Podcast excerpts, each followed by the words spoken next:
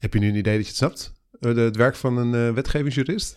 Eh, nee, nou, ietsje meer. Wat ik wel weet, is dat het gewoon eigenlijk hele sociale mensen zijn. Zeker, want ze moeten met al die Ze beleidsmedewerkers moeten alle samenwerken. beleidsmedewerkers praten. Ja. Zullen we gaan luisteren? ja, ga er maar aan staan.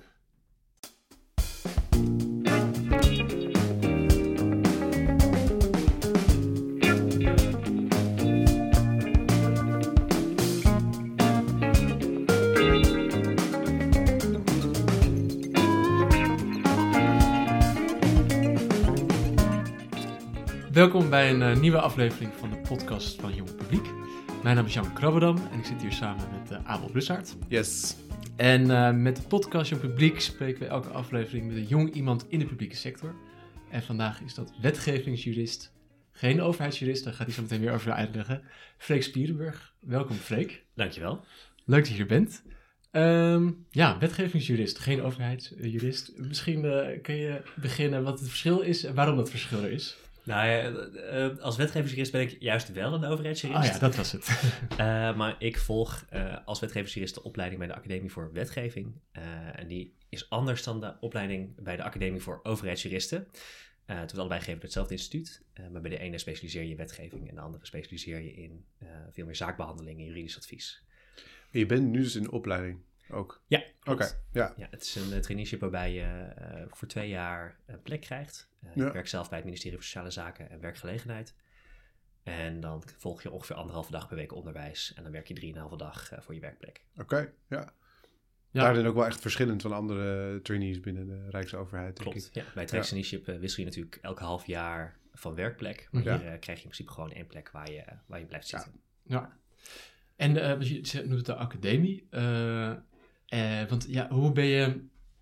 Ik, ik had hier nog nooit van gehoord. Als ik naar juristen moet denken, denk ik toch eerder in de richting van advocaten, openbaar ministerie, eh, rechten, het de academie voor overheidsjurist. Ja, dat de overheid die ook nodig heeft. Ja, Vind ik ook heel ja. raar. God. Ja. Waarom? Hoe, eh, vertel, hoe ben je daar terechtgekomen? Nou, ik moest, eh, ik heb na mijn studie... Want je hebt recht gestudeerd. Ik heb recht gestudeerd, ja, belangrijk, Je belangrijk. kan niet, natuurlijk, niet elke nee. kan naar de academie. Ik heb, eh, ik heb recht gestudeerd eh, en tijdens je studie rechten krijg je heel veel eh, uitnodigingen voor in-house dagen bij advocatenbureaus. En Ja. mensen sturen, stellen je altijd de vraag, goh, als je later groot bent als jurist, wat wil je dan worden? Wil je dan rechter worden of wil je dan advocaat worden of ben je fiscalist? Wil je heel veel geld gaan verdienen? Wat wil je worden en waarom advocaat? Ja, Ja. Eh, maar daarbij wordt de overheid eigenlijk heel weinig, eh, weinig belicht. En ook in Mhm. de opleiding gaat het heel vaak over, goh, dit is een casus, hoe los je die op? En hoe zorg je ervoor dat je cliënt het beste geholpen wordt? Dat Ja, echt, ja, eh, ja, ja. Ja. Ook wel heel toegespitst op, op, op het hele advocatuur. eh, Ja, eh, de cliënt is nooit de overheid in de casus. Ja, kan ook wel, maar niet zo vaak. Nee. Uh, vooral, vooral als het gaat over mensenrechten, wel nog wel eens uh, Hm. plaatsvinden. Maar dan is het ook vaak de vraag: goh, de overheid heeft iets fout gedaan. Hoe kan je uh, de mensenrechten volgens controleren om te kijken of, uh, of er iets moet veranderen? Ja. Ja. Bij Qatar, bijvoorbeeld. Bijvoorbeeld. Oké. Um, maar na mijn uh, studie dacht ik dus: goh, ik wil graag iets, uh, iets praktisch gaan doen, maar ik wil ook wel graag iets doen voor de, voor de maatschappij. En toen ben ik uh, als jurist begonnen bij het Schadefonds Geweldsmisdrijven. Mhm. Dat is een uitvoeringsorganisatie van justitie en veiligheid. Ook omdat ik toen dacht, goh, ik wil geen advocaat worden en ik wil geen rechter worden en ik wil, geen, ik wil niet heel veel geld verdienen als fiscalist. Dus wat wil ik eigenlijk gaan doen met mijn leven? En toen dacht ik, nou, ik wil toch wel iets juridisch proberen. Ja. En toen ben ik daar begonnen en toen dacht ik, na korte tijd, dat rechten vakgebied vind ik eigenlijk toch wel heel interessant. Uh, toen kwam ik ook achter dat ik eigenlijk het meest interessant vond aan mijn werk, dat dat de, de die-hard juridische casussen waren. Wat kwam je zo op het pad om iets anders dan de, de geëikte paden te doen? Omdat je eigenlijk dacht, ik, ik weet eigenlijk niet zo goed met dat juridische vakgebied. Ja, en omdat ik dacht, uh, ik wil niet voor een bedrijf werken. Oké, okay. Uh, okay. Ik heb ooit wel stage gelopen bij, uh, bij een onderneming. En toen dacht ik, ja, dat is ook wel goed om uh, voor mijn verbreding en mijn kennis van, van de samenleving om dat te doen. Ja. En toen dacht ik, nou ja, maar ik wil helemaal niet voor een for-profit organisatie nee. werken. Nee, want wat, wat, wat, wat stond je daarin tegen? Of... Ja, weet ik eigenlijk niet. Hmm. Uh, want ik ken ook wel mensen die dat wel doen en die daar ook heel veel plezier aan beleven. En ja. ook veel ondernemingen doen best wel maatschappelijk relevante zaken. Hmm. Uh, of doen werk wat uh, best wel belangrijk is voor mensen. Uh, maar dat stond toch niet samen. Ja, nee, dus, dat, dus je, je zocht, je wil zeker weten dat het belangrijk is. Ja. Dat het impact heeft en uh, maatschappelijk ja. belang is. Dat je er mensen mee verder helpt. Ja. ja. Anders dan jezelf of je eigen organisatie. Ja, precies. Ja, ja. Oké, okay. en uh, En toen dacht ik op een gegeven moment, goh, ik wil, ik wil toch iets meer. Ja. En toen ben ik op een gegeven moment eh, via via ook op het pad gekomen van de Academie voor Wetgeving. Want Ja. ik dacht, ja, goh, eh, waren mensen die me in contact brachten met wat wetgevingsjuristen. eh, waar ik een keer toen ook een gesprek mee heb gevoerd van, goh, wat, wat doen jullie nou precies? Waar zijn we dagelijks mee bezig?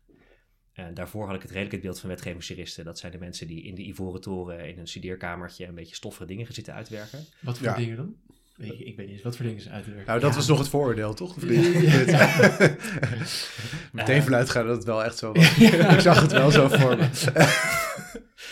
Ja, de, de nieuwste hervorming van het wetboek van strafrecht. Of, Oh zo. ja, ja, Ja, ja. ja, ja, ja. ja. of die de, de, nieuwste bureaucratische romslomp bedenken voor eh, hoe je bij je gemeente Ja. terecht kan komen. Dus zelfs jij had dat voordeel, vooroordeel. Wel een beetje, Ja, ja. ja, ja. Eh, dat, eh, dat is me heel erg meegevallen. Ja. Eh, maar zo dus eh, op het pad Dat gekomen. is een enorm dilemma. Niet voor, niet voor de privaatsector willen werken, maar zo denken over, over de overheidsjuristen. Dan, Ja, eh, ja, dat was wel een, eh, wel een probleem ja, inderdaad. Mhm. Ja, ja. ja. En toch ben je dat ga- gaan onderzoeken van, oké, hoe gaat het dan voor juristen bij de overheid? Hoe Klopt. werken die dan? Ja, Nou, hoe gaat dat? Ja, eh, hetgene wat mij het meest is opgevallen toen ik begon als wetgevingsjurist is eh, hoe sociaal het werk eigenlijk is. En hoe Ja. belangrijk eh, je contact is met andere collega's, en vooral ook dan beleidscollega's, Mhm. dus collega's die inhoudelijk over de dossiers gaan. Ja. Eh, meer dan per se je juridische, juridische vaardigheden. Ja, ja. Eh, als ik soort van een eh, vijf dagen zou werken, dan ben ik voornamelijk drieënhalf dag bezig met vergaderen en dingen bespreken. En misschien anderhalve dag met eh, echt op papier zetten. Wauw. Ja. Omdat je gewoon Dat is heel... Voor de gemiddelde advocaat denk ik echt eh, een soort, een soort walhalla. Ja, dat, is, eh, dat gaat dus ook heel vaak dan over... goh, wat willen jullie nou precies bereiken? Ja, dat is, precies. Dat is eigenlijk altijd de belangrijkste vraag. Ja, ja, ja. Eh, aan beleidsmedewerkers. aan beleidsmedewerkers. Eh, want ze hebben vaak ook wel een idee. We hebben een probleem, dat Ja. gaan we oplossen. Ja, Dit is de oplossing. Ja. Eh, en dan moet je als wetgevingsjurist daar vervolgens eh, juridische kaas van maken. Ja. En dat bestaat vaak ook wel uit de vraag: Goh, je vertelt nu dat er een oplossing is, maar wat is het probleem eigenlijk? Ja, Ja. Ja. Dan gaat het probleem volgens afpellen. En dan ga je vervolgens kijken naar de oplossing die ze bedacht hebben. En of die dat probleem ook oplossen. ja, En dan ga je vervolgens kijken hoe dat in het wettelijk systeem past. ja. En of je daar dingen voor moet regelen. Eh, en dan, terwijl je ermee aan de slag gaat, kom je er vaak ook achter, schrijvenderwijs, dat er nog heel veel andere zaken ook uitgedacht en besproken moeten worden. En zijn dat Mhm. dan zaken die dan de, de beleidsmedewerker moeten gaan uitvogelen en uitzoeken? Of is het, is het ook een taak aan jou? Ja, dat is ook wel een taak. Het is een beetje een gedeelde taak. Mhm. Eh, veel van de overleggen die ik heb, eh zit ik dan met de beleidsmedewerker aan tafel, vertegenwoordigers van de uitvoering. Ja. Eh, bij sociale zaken is dat over het algemeen een eh, collega van uitvoering voor beleid. In ieder geval, dat zijn vaak mijn collega's, Ja. eh op de dossiersweek op werk. Eh, maar bijvoorbeeld ook van het UWV of van de RVO, daar doen we ook, die doen ook wel eens eh, regelingen voor ons. RVO's de... Ja, dat is de uitvoeringsorganisatie. Ja, dat is de Rijksdienst voor Ondernemend Nederland. Mhm, Dat is ja. de uitvoeringsorganisatie van eh, economische zaken. En de UWV is de, ik weet niet eens waar het UWV voor staat eigenlijk. Eh, uitvoering, werk, eh, iets met werk, denk ik. De uitvoeringsorganisatie werknemersverzekeringen Ah ja, zal het dat zijn. klinkt. Nou ja. Eh, we hebben natuurlijk ook de Sociale Verzekeringsbank, die doet ook regelingen voor, eh, voor SZW. Maar dan zit je vaak met een beleidscollega, Mhm. een vertegenwoordiger van de uitvoering eh, Ja. en, een, eh en een wetgeversjurist aan tafel. Ja. En dan proberen we met elkaar te bespreken, goh, hoe, gaat het er nou uitzien? Wat zijn Ja. de beleidsdoelen? Wat kan de uitvoering ook realiseren? Ja, dus het beeld van de Ivoren Toren is totaal eh, onterecht. Want je bent heel erg bezig, dus juist met collega's eh, het probleem tackelen ook wel, klinkt het bijna. Ja, ja. Eh, ik noem nu natuurlijk wel ook nog wel steeds collega's die allemaal in Den Haag werken. Ja, ja oké. Dus in dat opzicht is het nog steeds altijd wel een klein beetje niveau. Nee, zeker. Ik bedoel, je blijft jurist, hè. Dat, Nee, een van de, een van de Rijksoverheid is gewoon groot. Ja, Ja, ja, dan kan je heel lang binnen met collega's. je kan ook, dit kan je bij alle ministeries doen natuurlijk. Eh, overal zitten Ja. wetgevingsjuristen. Ja, want is dat, het, is dat het aantrekkelijke ervan ook dat je nu in heel veel verschillende soorten beleidsonderwerpen actief bent? Ja, ik vind het zelf wel heel interessant. Eh, Ja. ja. Eh, want je hebt als wetgeversjurist heb je over het algemeen een hele set dossiers Ja. waar je mee bezig bent op, een, op hetzelfde moment. En dat kan heel erg uiteenlopen. En komen daar dan ook echt hele verschillende, ik ben er echt zo slecht in, eh, maar komen er verschillende rechtsgebieden bij kijken? Of gaat het altijd over, Ehm, nou, je moet wel echt een goede bestuursrechtelijke basis hebben over Oh, ja. wat mag de overheid Ja. eh, en aan wat voor regels zijn die gebonden. Eh, hoe, eh, hoe zit het procesrecht in elkaar? Dat is wel gewoon belangrijk om te weten. ja, soms spelen ook mensenrechtelijke kwesties. Afhankelijk van het ministerie waarvoor je werkt, zijn er ook hele specifieke dossiers waar je bezig gaat. Ik heb heel veel collega's die zich bezighouden met arbeidsrecht. Ja. Collega's die bij JNV werken, die ook echt weer in het strafrecht zitten. Of bij buitenlandse zaken die veel meer in mensenrechten zitten. Oh, Eh, het hangt heel erg vanaf van de dossiers die je oppakt, wat echt eh, jou, eh, waar je kennis van moet hebben of Ja, waar je kennis van moet opbouwen. Ja, Ja, ja. Want ik wou, want nou, kijk, bij, eh, jullie, bij veiligheid of zoiets, dat kan ik me voorstellen. Maar bij sociaal domein dus er zijn zoveel onderwerpen. Dan kun je natuurlijk wel goed onderlegd zijn in eh, bestuurskunde. Of de, je moet natuurlijk ook opeens eh, allemaal nieuwe onderwerpen je eigen maken of daar de inhoud van weten. Ja, dat vind ik zelf juist ook echt een leuke, de leuke uitdaging. En Ja. het scheelt ook dat je beleidscollega's hebt die Mm, eh, ja. weten waar ze het over hebben als het goed Die is. kunnen je alles vertellen waarschijnlijk. Ja. Exact, Ja. ja. Ja. Ja, precies. Dus het is niet alleen dat jij ze juridisch de weg terecht wijst. Het is echt een beetje, je leert van elkaar daarin. Ja, en je wordt ook wel, eh, als wetgevingsjurist merk ik dat ik wel echt beter in mijn werk word als ik, eh, als ik interesse, nou je, je bouwt altijd interesse op als je lang genoeg met een onderwerp bezighoudt, Ja. maar als je daar ook echt in wil verdiepen en ook beleidsmatig mee gaat denken. Ja, Ja. Eh, dan moet je op een gegeven moment wel je, je grens aangeven van, goh, ik kan niet deze beslissingen nemen, want uiteindelijk is de beleidsmedewerker wel verantwoordelijk om ook beleidsmatige beslissingen te nemen en daar verantwoordelijkheid voor te dragen. Ja. Eh, maar hoe meer je daarin mee kan denken, eh, hoe beter je ook in gesprek kan zijn met de beleidsmedewerker en dan kan zeggen, goh, dit kan juridisch niet. Nee. En dat je dan ook wel uit kan leggen wat er, waarom Ja. je beleidsmatig bijvoorbeeld wel begrip voor hebt. Ja. ja. En of er andere manieren zijn om het alsnog op te lossen, ehm, dat er juridische grenzen zijn. Ik hoor al een mogelijke bron van frustratie werk. Heb je dat wel eens dat je denkt...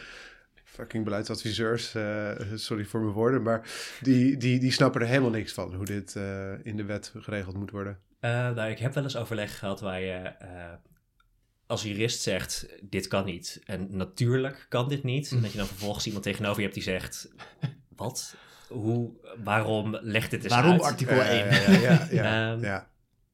En daar zit voor mij ook wel dan ook de lol om dan goed met elkaar in gesprek te gaan en uit te leggen Oké. waarom het niet kan. Daar moet je wel van houden.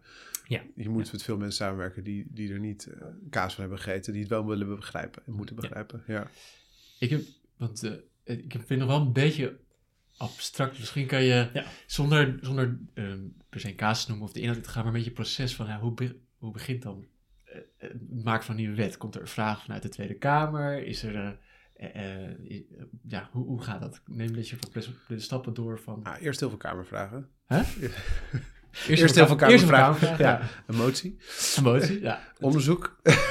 Komt in het coalitieakkoord. Ja, Ja, ja. Er, zijn, er zijn heel veel mogelijkheden. Er zijn heel veel verschillende aanleidingen voor, eh, voor regelgeving. Mhm, mhm. Eh, soms is het inderdaad, het is afgesproken in het coalitieakkoord. Soms is het, er zijn kamervragen of is een motie aangenomen. Het kan zijn dat er iets in het nieuws is geweest. Dat mensen daarvan zeggen, goh, daar moeten we eigenlijk wel iets Mhm. mee. Er kan een adviesraad zijn die een onderzoek heeft uitgebracht. Ja. Eh, er kan een beleidsmedewerker zijn die zegt, goh, we zijn hiermee bezig geweest. We moeten dit eigenlijk aanpassen. Ja. Mhm. Eh, er kunnen heel veel verschillende aanleidingen zijn om uiteindelijk met uh, regelgeving aan de slag te gaan. Eh, wat er dan het algemeen gebeurt, is dat er dan eh, iemand ergens aanslaat. Ja. En dan eh, gaat kijken wat ze daarmee moeten. En als ze dan tot de conclusie komen, misschien moet er regelgeving gemaakt worden, dan wordt, als het goed is, een wetgevingsjurist aangehaakt. Mhm. Ja. Om mee te denken over de vraag, moet er inderdaad regelgeving gemaakt worden? Mhm. Eh, of is alles wat we hebben eigenlijk al genoeg? Ja. Eh, er is een eh wetgevingsjurist bij Justitie en Veiligheid als groep die ooit een keer heeft gezegd: Ja, ik ben de helft van mijn tijd bezig met het maken van nieuwe wetgeving. En ik ben de helft van mijn tijd bezig met het voorkomen van nieuwe wetgeving. Eh, dat is niet helemaal. Het spamfilter van de wetgeving. Ja. het is niet Ja. helemaal. het, het is een beetje bagatelliseren van het, van het proces. Maar Ja. een deel van het werk zit er ook wel in de goal. Wat, wat is nou eigenlijk het probleem? Is wetgeving de oplossing, zeg en maar. is wetgeving de Ja, oplossing? het is dus een middel, ja. Ja. ja. En op welk moment in dat proces worden jullie erbij gehaald? Want die vraag van, oh, misschien moet het iets met wetgeving worden...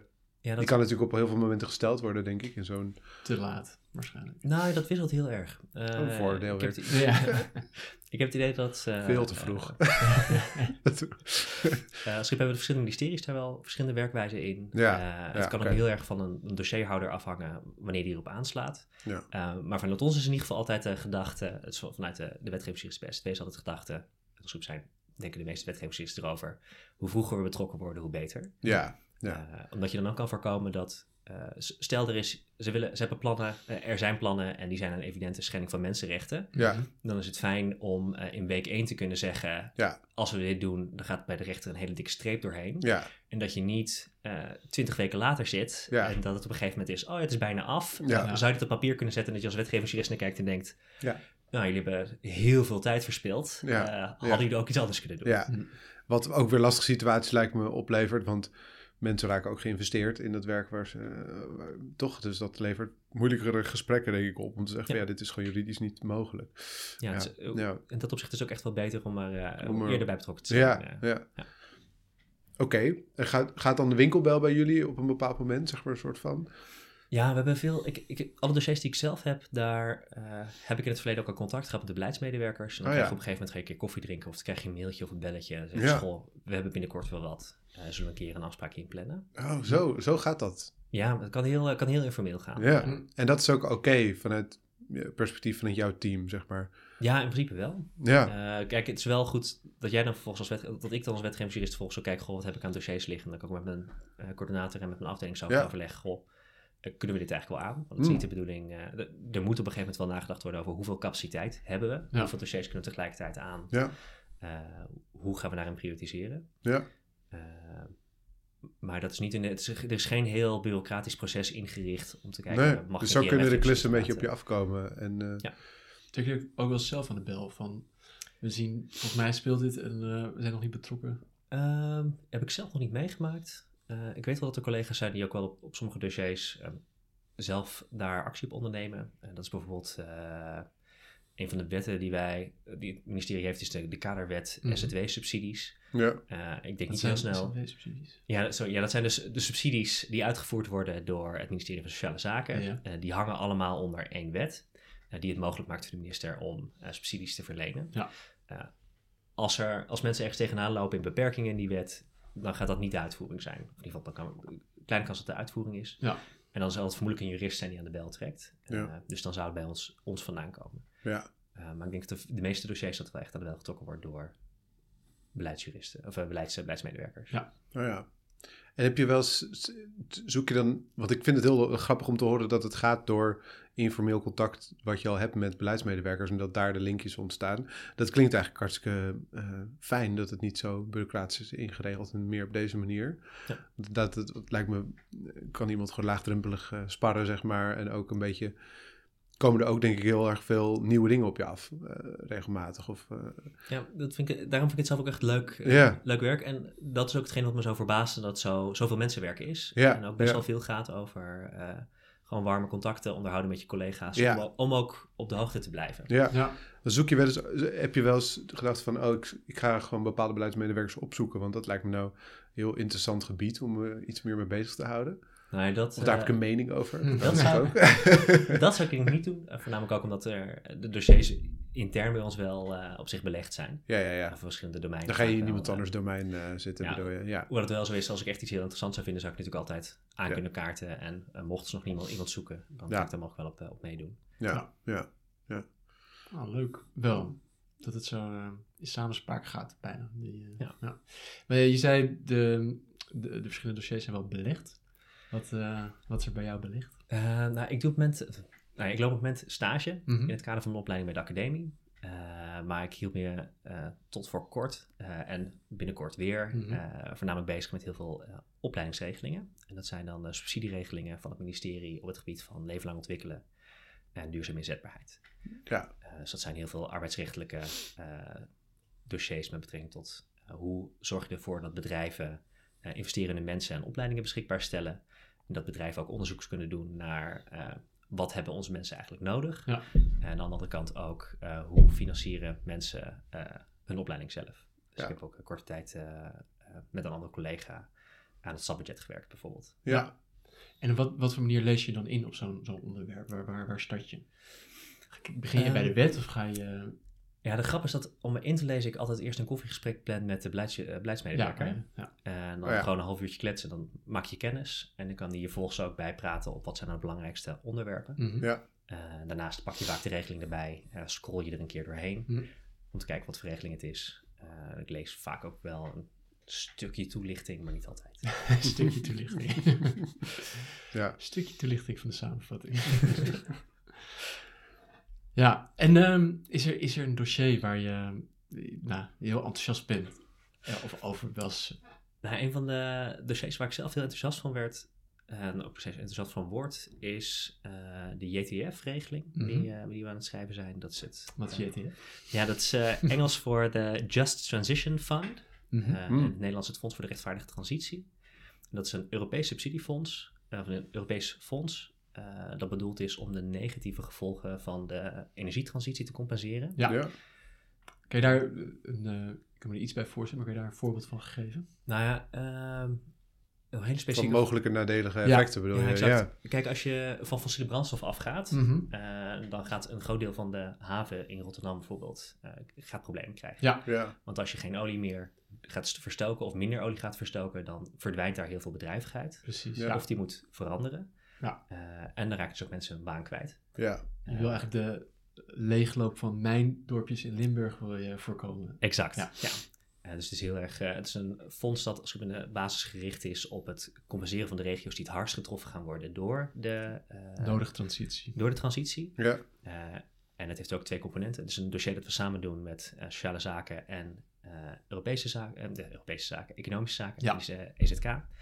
En een aantal eh, regionale organisaties. Eh, en dat ziet dus ook echt op die economische component, namelijk bedrijven gaan verdwijnen. En die arbeidsmarktcomponent, namelijk er gaan nieuwe banen moeten komen. Ja. Ja. Of mensen moeten van baan naar baan eh, begeleid worden met bijvoorbeeld eh, opleidingen.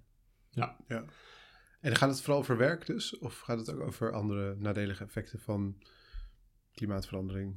Energietransitie. ja, Energietransitie, sorry. Ja. Ja. Ehm, ja, het gaat dus ook echt over die economische, die econo- economische impact. Maar het gaat Ja. wel echt over eh, economie en over, eh, over arbeidsmarkt. Ja.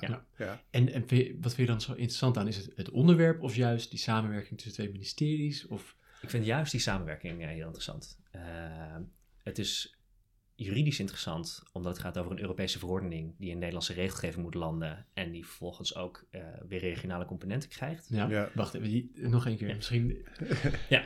Eh, Europese verordening. en, eh, wa- Dus de je, Europese... je had van tevoren gezegd dat je een enorme juridische nerd bent. Dus Het is eh, Af en toe even. net aan bij te benen. ja. Oké, nog een keer. Ja, er is, eh, de Europese Unie heeft eh, een verordening opgesteld Ja. over, eh, over dit Europese fonds. En wat is een verordening precies? Als Ja. je dat in. Dat zegt leden, zin. leden van de EU, ga dit doen, toch? Dat is een Europese wet. Ja. Ja. Dat is eh, de, de, Ja. de samenvatting. Eh, en daarin is bepaald onder welke voorwaarden dat geld gaat komen Mhm. en naar welke landen dat geld gaat en hoeveel geld er naar elk land gaat. Ja. Eh, dus Nederland heeft recht op ongeveer 600 miljoen. En er zijn andere Europese landen Ja. eh, die miljarden krijgen. Dat is een beetje de.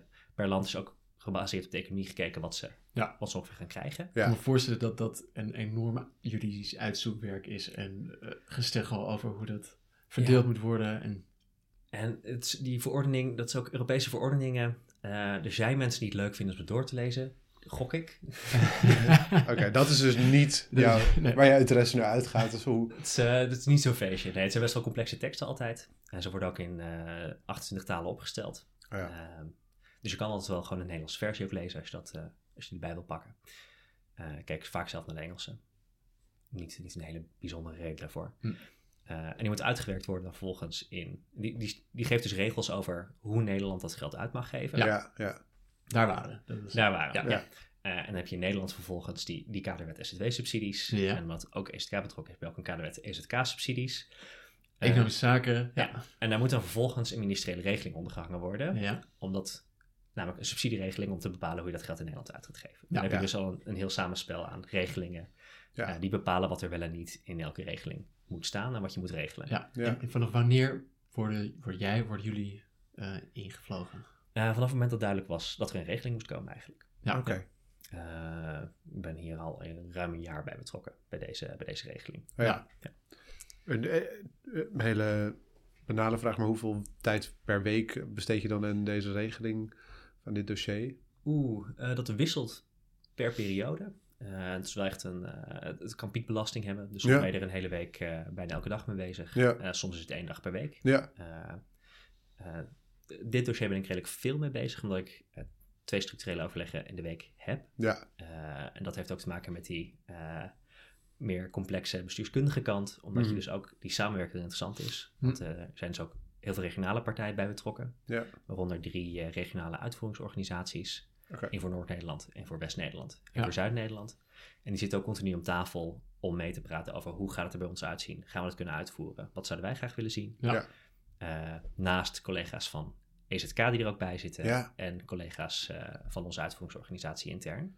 Jij zit wel in een unieke positie om zo even die, die culturen van ministeries met elkaar te vergelijken. Eh, Het is een beetje een uitstapje, maar wat, wat, wat kom je daar zo al tegen? Ehm, ja, het is ook wel leuk. Bij de Academie voor, voor Wetgeving werk je dus ook zit je in een tranche met allemaal collega's. We hebben eh 13 andere wetgeversjuristen. We zijn met z'n. 13 als wetgeversjuristen. Die werken allemaal ook bij andere ministeries. Ja, precies. Ja. Eh, nou, een van de belangrijke dingen is dat eh SZW traditioneel bekend staat als een truienministerie. Oké. Eh, een collega van me die al 40 is, het, jaar... is het een metafoor voor iets of is het gewoon letterlijk mensen hebben trui aan? Redelijk, redelijk letterlijk. Ja.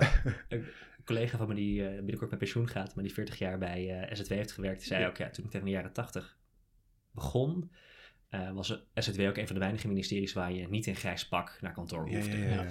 En dan economische zaken denk ik eh, nogal anders. Eh, ja, economische zaken heeft een gedeelde juridische directie met eh, landbouw. Oh, dus ja. Oh ja, dat heb je EZK en. LFV heb je een soort van een, eh, eh, heb je een tweesplitsing.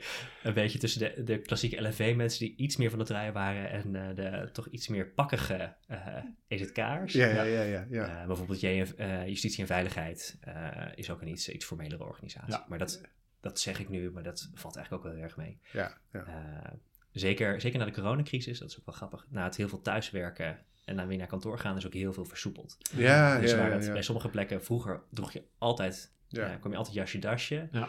Eh, zijn er nu ook werkplekken waar dat eigenlijk ook prima is om gewoon te komen in een comfortabele trui. Ja, Omdat je als toch koud is gewoon je slof aan te doen, want... eh, Dat heb, ik, dat heb ik nog nooit gedaan.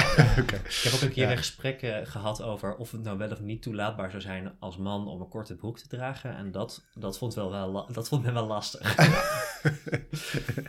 Daar waren meningen over verdeeld. Ja, daar waren de meningen Oh, over. interessant. Ja. Oké, nou.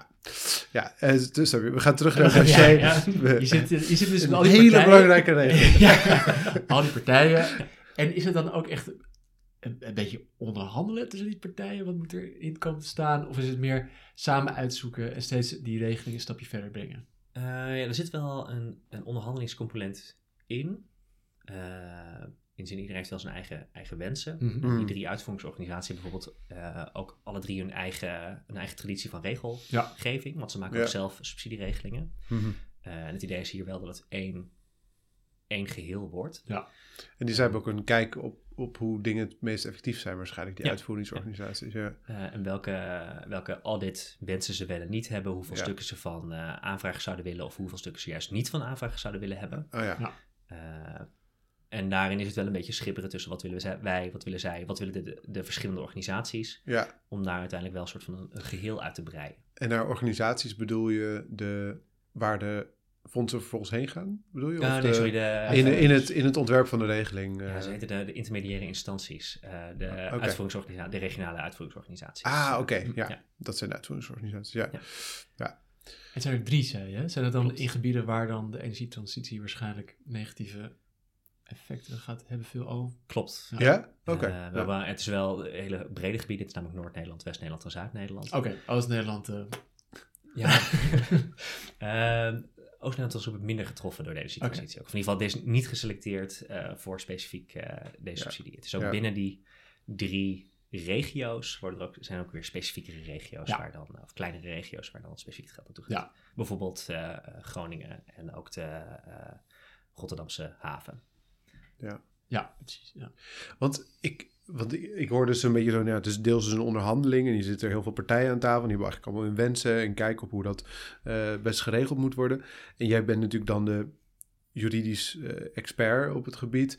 Ehm, en dat word je ook, denk ik, naarmate dat Ja. dossier vordert. Eh, maar he- heb je ook een soort, soort, ehm, soort bemiddelaarsrol? Dat, ontstaat er ook zoiets van...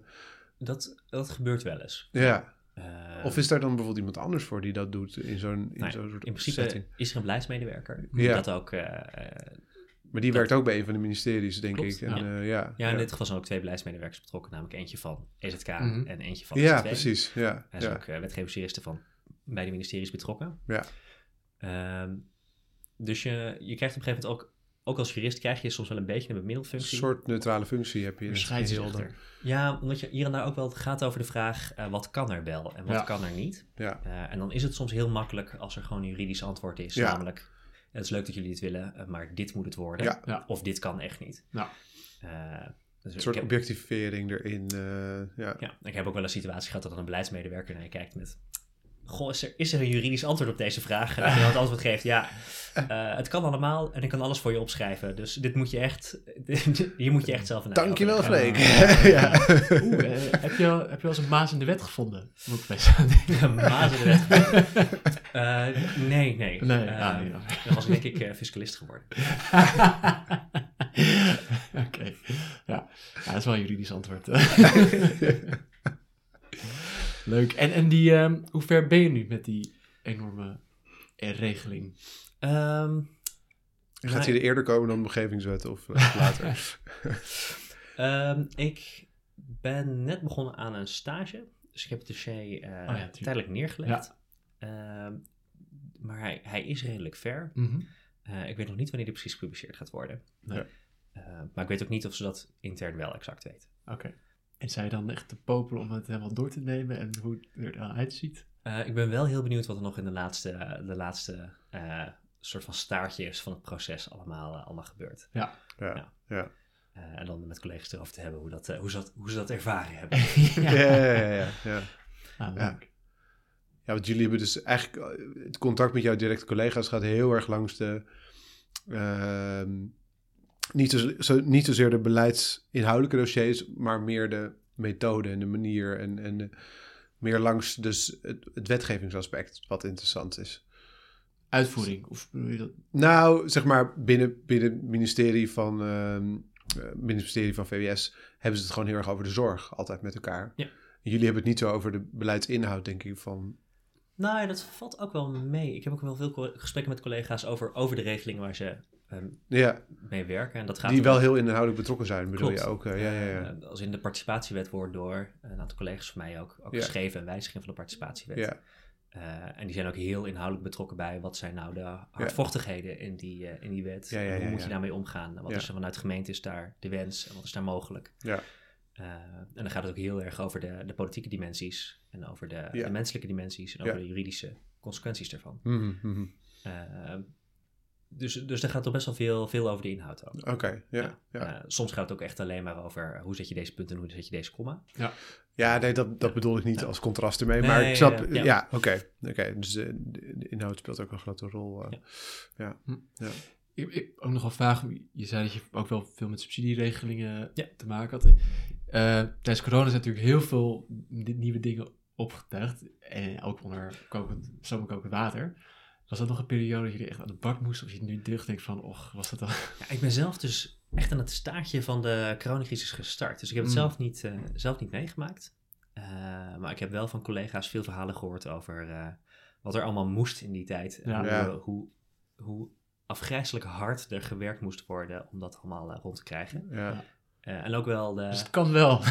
Ja, dat is een beetje de, eh, de, de positieve en de negatieve boodschap eh, Ja. van, die processen. Dat is te zeggen, goh, als het echt moet, dan kan er heel veel. Ja, Dat is Heel snel, hele- heel veel, ja. hele fijne constatering. Eh, aan de andere kant is het ook wel eh, het risico dat continu mee wordt gegeven is, ja, men heeft nu gezien dat het soms zo snel kan, Ja, ja, ja. ja. eh, maar dat kost wel. In de zin, eh, je offert er heel veel voor op om het zo snel te gaan Ja. doen. Je moet, eh, je, je moet eigenlijk alles laten vallen om op één dossier te richten. ja.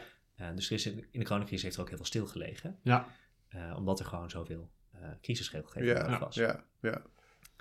Ehm, Maar je bedoelt, bedoel je dat is in, in een soort interne dienstverlening richting mensen met een juridisch vraagstuk rondom een beleidsonderwerp, dat, dat, nu, dat die nu veel eisender worden of zo? Dat ze zeggen van nou, dit is echt heel urgent, eh, laten we dit er doorheen. eh. Nee, maar het is wel, een, eh, wel iets om, eh, wat we hier en daar, ik ook hier en daar wel een opmerking krijgen van een beleidscollega die dan zegt, ja, de coronacrisis kon alles heel snel. Kan het hier ook zo snel? Dat ja, je ja, zegt, ja. ja, nee, standaard voor, voor de wijziging van de wet moet je nog steeds wel anderhalf tot twee jaar rekenen. Ja, ja, Daar- ja, ja, ja, ja. Dat kan wel eens sneller, maar Ja. daar gaan we niet van uit. Ja, ja, ja, ja, want we hebben allemaal ook andere dingen te doen. Het is ook wel goed om het zorgvuldig te doen. Ja, ja, ja, ja. Want het is soms ook wel fijn om ergens de tijd voor te hebben, zodat je er ook een keer goed over na kan denken. ja, ja, precies. Er kunnen, er kunnen verkeerde verwachtingen ontstaan daar, eh, daardoor, ja. ja. Nou, interessant eh, dossier. En eh, heb, je nog, heb je nog een interessant dossier? Nog eens, of Of eentje waar je binnenkort... Of nou, ah, dat weet je natuurlijk niet. Je zit natuurlijk nog niet bij... eh, eh, je, gaat, je, zit Ja. nu nog, je loopt nu nog stage en je gaat pas over een tijdje weer... eh, Ah, terug. misschien is dat, is goed om het even toe te leggen. Eh, Eh, onderdeel van het traineeship is dat je, je wordt in principe voor twee jaar op een werkplek geplaatst. Ja. Eh, maar je moet ook verplicht eh één tot vier maanden stage lopen. Eh, en als je de wetgevings, a- Academie voor Wetgeving doet, is daarvan één maand bij bureau Wetgeving van de Tweede Kamer. Mhm. Dus dat zijn de wetgevingsjuristen die daar de Tweede Kamerleden helpen met het opstellen van amendementen Ja, en van initiatiefwetgeving. Eh, en, en ander juridisch advies. Eh één maand. Eén maand. Oké. Ja, dat is echt een eh, Heel- hele korte Ja, snuffelstage. ja. Ja. Heb je dat al gedaan of niet? Nog niet. Oké, oké. Eh, dat ga ik doen na de stage waar ik nu mee bezig ben. Ja, over eh, lekker hard werken gesproken, denk ik. eh, of niet? Eh, het schijnt er nog wel eens inderdaad uh, snel naartoe te kunnen. Ja. Het, de, de tempo's bij het ministerie en bij de Tweede Kamer liggen Ja. wel, wel echt anders. Ja, ja, Ja. nou ja, gelukkig is het niet overal zo, zo gekte. Dat, ja, ja. En waar ik nu stage loop, ik loop nu twee maanden stage bij de gemeente Westland. Oké. Eh, je, krijgt, je krijgt een hele... eh, Diverse.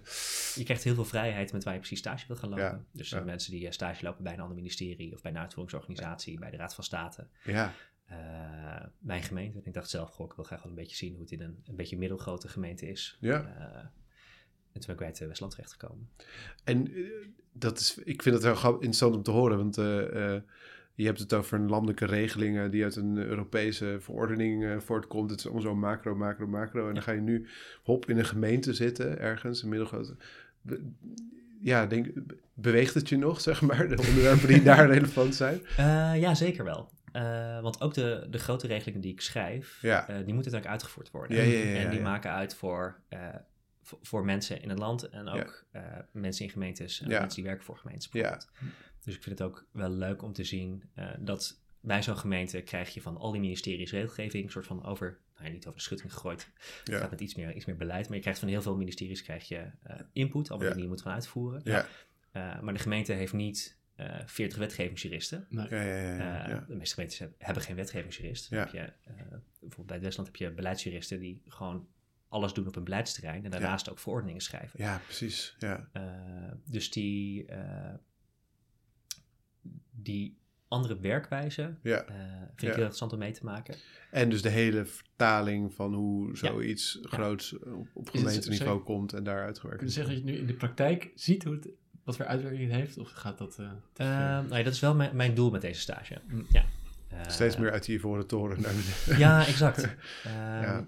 Want het is ook wel goed om je te beseffen als wetgevingsjurist dat als je Ja. eh, in een regeling opschrijft dat er bepaalde eisen zijn waar mensen aan moeten voldoen, dat je Ja. dan ook weet wat dat voor ze betekent in het opzoeken van stukken, het insturen van stukken. Ja, ja. Eh, en wat dat voor de gemeente in dit geval betekent en eh, hoeveel mensen zij moeten hebben die zich daar dagelijks mee bezighouden. Of die mensen achter de broek aan zitten of die aanvraag moeten behandelen. Of die de klachten moeten ontvangen als je een slechte regeling schrijft.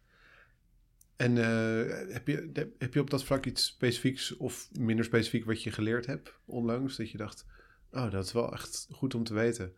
Ehm, nou, ik ben een maandag begonnen. Eh. Dus Ja. eh, nog, nog niet zo. Het is vandaag donderdag. Ja. Eh, ik ben wel meteen in de diepe gegooid met de verordening waar ik met een, eh, met een rode pen doorheen mocht. Oh ja, Eh, en dan is het ook wel leuk om te zien dat eh, de gemeente wel echt een andere eh, regelgevingstraditie heeft dan het ministerie. ja, ja. ja. Je hebt de, ministeries die hebben de aanwijzingen voor de regelgeving. Dat is een soort van onze, onze bijbel voor wetgevingstechniek. Ja. Waarin staat hoe, je, hoe je nummeringen doet. en in welke, of je in een wet een vergunningstelsel mag regelen. Of dat ook voor de ministeriële regeling mag. Mhm. Nou ja, dat is gewoon uitge- in uitgewerkt. Ja, ja. En voor de gemeentes heb je, er, zijn wel, er is wel een handboek met als groep 100, eh, eh, 100 aanwijzingen. Eh, maar ze hebben gewoon aanzienlijk minder tijd en ook aanzienlijk minder Ja. eh, mensen om Ja. dat allemaal, eh, allemaal uit te voeren. Ja. Eh, dus daar gebeurt er toch veel meer in het werk. Ja, Hm. ja. Oké, dat is een interessante observatie al. eh, ja. Ja, dat je bijvoorbeeld in een gemeentelijke, gemeentelijke verordening eh, iets tussen haakjes plaatst. Ja. Eh, eh, dat doen we in Den Haag niet. Ja. Nee. Eh, maar het, als ik het zo lees en de volgende verordening erbij pak, dan denk ik, ja, het werkt best prima. Ja, ja, ja, ja, ja. je in rode pen schrijft, dat doen we in Den Haag niet. Nou, ik heb er in Word wel een opmerking bij gezet met, doen we in Den Haag zo niet, maar ik vind het prima zo. Oh, wel. Oh, ja. Oké. Eh, En maandag begonnen, zei je? ja, ik weet niet of van uw collega's dit gaan horen en dan zeggen, ja, Freek, we moeten het toch nog een keer hebben over het dienstverband, maar eh, ja. ja. Ja, wel, ja, lijkt me echt goed om zo. Ja, ik denk ook wel heel eh. goed, precies, zo bewust eh, even alle niveaus zien, denk ik ook, eh, Ja. van de overheid. Ja. En ehm, de publieke sector. Die, eh, ja, wat, wat zou eigenlijk na, na de academie, wat zou je droomfunctie zijn? Ja, het, het klinkt heel saai, maar ik heb het ontzettend naar mijn zin eh, het afgelopen jaar. Eh, dus ik denk dat ik dit wel nog wel even wil doen. Ja, Eh, Ja. Beter worden als wetgevingsjurist. Ja. En ook bij het ministerie waar je nu zit. ja, ik, eh, ik vind sociale zaken en werkgelegenheid wel echt een leuke, leuk ministerie. Ja. Eh, ik heb gewoon affiniteit met het sociale domein, dus dat helpt ook wel. eh. Ja, je zegt dus ook van, ik heb het nog lang niet gezien op inhoud. Ik kan me nog heel erg veel verdiepen hierin en beter hierin worden. Klopt. Ja, Eh, ik heb ook wel eh, een collega van me die dus binnenkort met pensioen, met pensioen gaat, eh, die 40 jaar hier gewerkt heeft, en die zegt altijd, ja, ik werk hier al 40 jaar, maar ik zie elke week nog steeds dingen die ik nog nooit eerder gezien heb. ja, ja, ja. ja, ja. En het is ook zo omdat je Dat cliché gaat dus niet op, want dat hebben we vijf jaar geleden ook al eh, gezien. Maar eh, nee, het leuke aan zeker het wetgevingswerk vind ik dat je. eh, je bent niet bezig met het toepassen van bestaande wetgeving, maar Ja. je bent bezig met het scheppen van nieuwe regelgeving Ja. op basis van bepaalde problematiek. Dus je bent eigenlijk, eh, behalve als je hele simpele technische wijzigingen aan het doen bent, ben je vaak bezig met het maken van iets nieuws wat er nog niet is. ja, En dat doe je vaak, da- daar neem je wel lessen mee uit het verleden, maar je kan nooit copy-pasten wat je in het verleden gedaan hebt. nee. En de actuele problemen zijn altijd heel actueel en nieuw. Ja, Ja. ja. Eh, en dat scheelt bij wetgeving dat je over het algemeen niet eh, binnen twee weken iets moet schrijven. Dus dat de waan van de dag een beetje geremd wordt, hoop je dan door het, eh, door het proces. ja. ja. Eh, Mooi. Interessant. Nou, mooi dat je die verdieping daar nog zo kan vinden. En eh, ja, klinkt tof. Ja, zeker. Eh, ja, het beter einde kan ook niet dan dit. eh, Ja. Eh, ja, Freek, heel erg bedankt. Dat was echt leuk. Dankjewel. Interessant. Je luistert naar de podcast van eh, Jong Publiek. Eh, dank voor het luisteren en tot de volgende keer.